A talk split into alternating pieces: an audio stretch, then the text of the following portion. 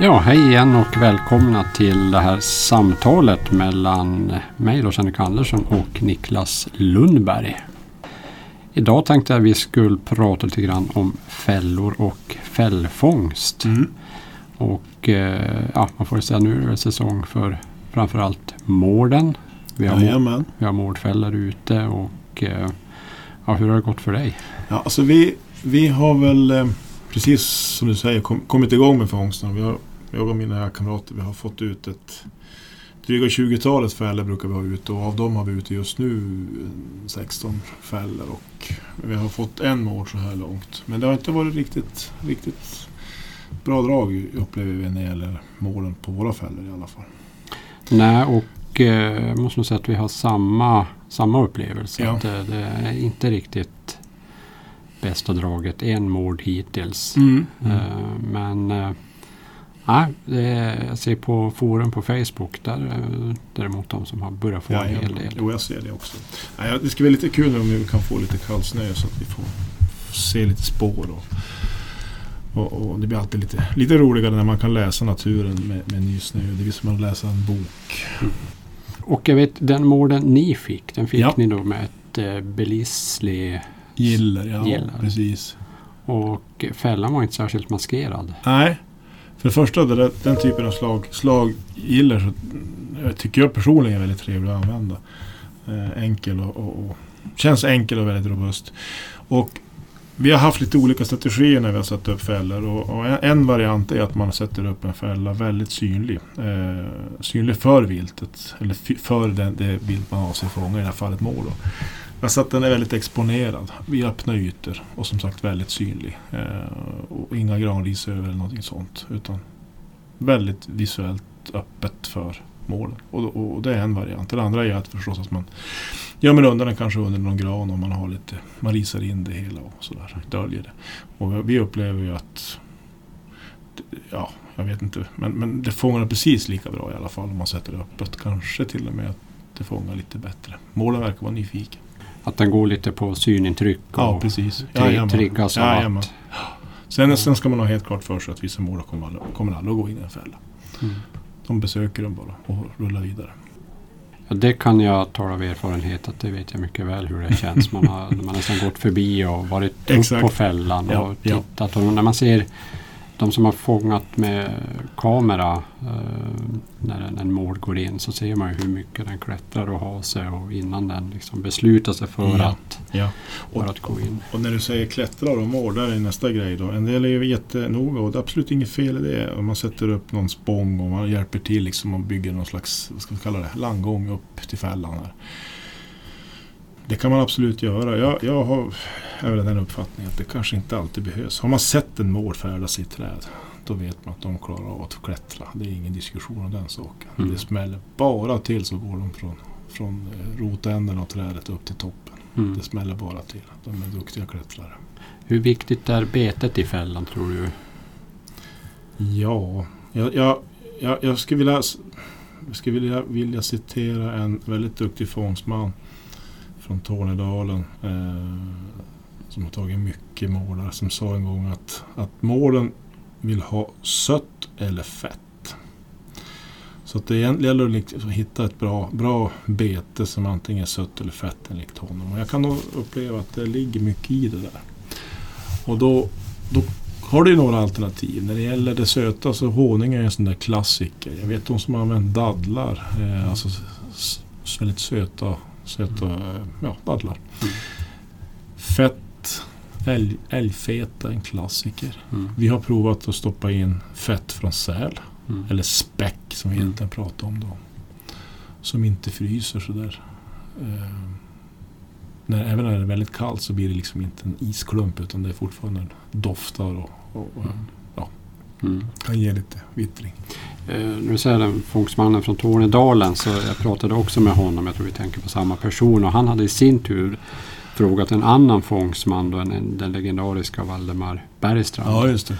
som eh, var trappare, även var i Kanada eller Alaska. Ja. Eh, Jag hade ställt honom frågan om, om du ger ett, ett tips, ett råd vad, jag ska ha, vad man ska ha i målfällan. Du får bara välja en, en sak och då hade han sagt eh, fett, älgfett. Älgfett. Ja. Ja.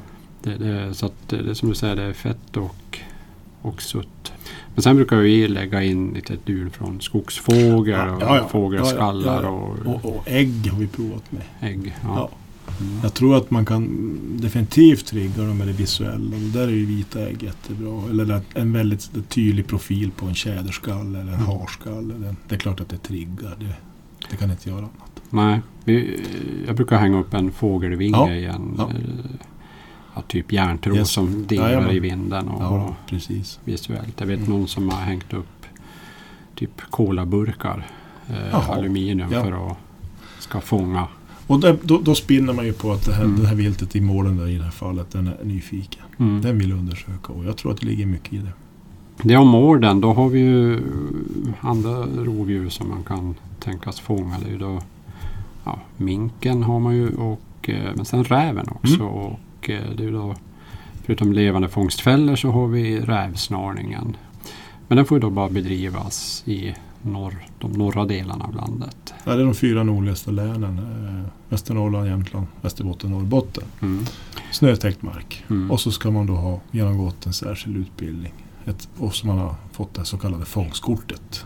Som man är berättigad att snara. Och det fångstkort gäller även för ripsnarning och när man ska använda slag, eller dödande slagfälla för, eller, slaggiller ska vi kalla det för, för bäver. För eh, fångstkort behöver man inte då, det skulle jag säga för typ ihjälfällor för exakt. och mink. Nej. Utan Nej. De här utbildningarna då, hur, vem håller dem och vart? Är det, Gången är väl ungefär så att man tar kontakt med, med Jägarförbundet lokalt eller på länsnivå och sen så frågar man efter eh, instruktörer. Vem är närmaste instruktör? Och Den närmaste instruktören som är aktiv brukar då samla på ett antal namn, det vill säga deltagare. Och när man nått upp en, en full styrka, en grupp kanske på 8-10 deltagare, så brukar de genomföra de här utbildningarna. Så att så brukar gången vara. Så ta kontakt med, med antingen med krets eller med din länsförening. Mm. Så hjälper, ska de kunna hjälpa dig in på en, en utbildning nära dig. mm. Hyfsat i alla fall nära dig. Och du håller även kurs i ripsnarning. Jajamän. Får vem, förutom att man har fångstkort i, men, men vad krävs för att få fånga ripa med snara? Det är, egentligen, det är inget märkvärdigt. Det krävs egentligen att du har jakträtt. Mm. Och att du har, har jakttid. Mm. Och så att det är snötäckt mark. När vi kommer upp, det man tänker på när det gäller rivsnöring det är att allting ska ske uppe på, på fjällmarken. Men det är inte riktigt sant. När, när vi kommer på mark ovan odlingsgränsen eller i Jämtland då, eh, på renbetesfjället. Eh, där, där gäller det också att man måste ha tillstånd från Länsstyrelsen för att få sätta ut de här snarorna. Lämnar vi den, den typen av mark och går ner på statlig mark, nej, eller på annan mark eh, nedanför odlingsgränsen eller renbetesfjällen. Då krävs det egentligen bara jakträtt, Mm. snötäckt mark och att det finns en jakttid. Jag tänker på ripsnarning då ser man ju den här ärrade, väderbitna jägaren som, som vittjar i, på fjället Ja. sina snarar. Ja. Är, det, är det en jakttradition, eh, just ripsnarningen, så är den på väg att dö ut? Det är väl inte särskilt många som håller på Det är den? inte särskilt många som Mm. håller på men, men det är förvånansvärt många ändå som går Mm. utbildningen. Det är en och annan som också lägger de här snarorna. Så att, Mm.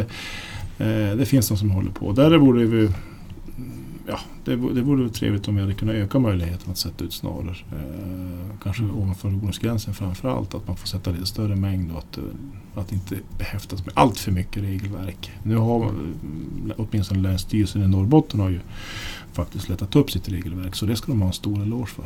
Mm. Så på vilket sätt har de lättat upp?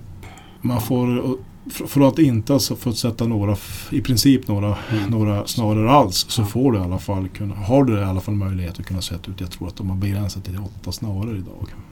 Eh, Men, men att, att man kan alltså få det tillståndet utan några större bekymmer i alla fall. Man tar Mm. kontakt med Länsstyrelsen och ansöker om den möjligheten. Tillbaka till, till rävsnarningen då. Mm. Det, där finns det då ja, ett antal godkända snarar. Och eh, förutom då att man ska bo då i de fyra nordligaste länen var och fångstkort. Är det någonting annat där man ska tipsa till? Räven är väl väldigt försiktig av sig. Alltså, Ja, ja, alltså det ja precis. mm, Så när, när, jag tänker väl snarare, när du ställer den frågan så tänker jag väl snarast på just det här med vittringen. Att det gäller att vara jättenoga när du sätter ut dem, att du sköter den delen. Och sen måste du för- förstås följa gällande lagstiftning gällande vittning. mm, Eh, ska vittjas morgon mm. och kväll.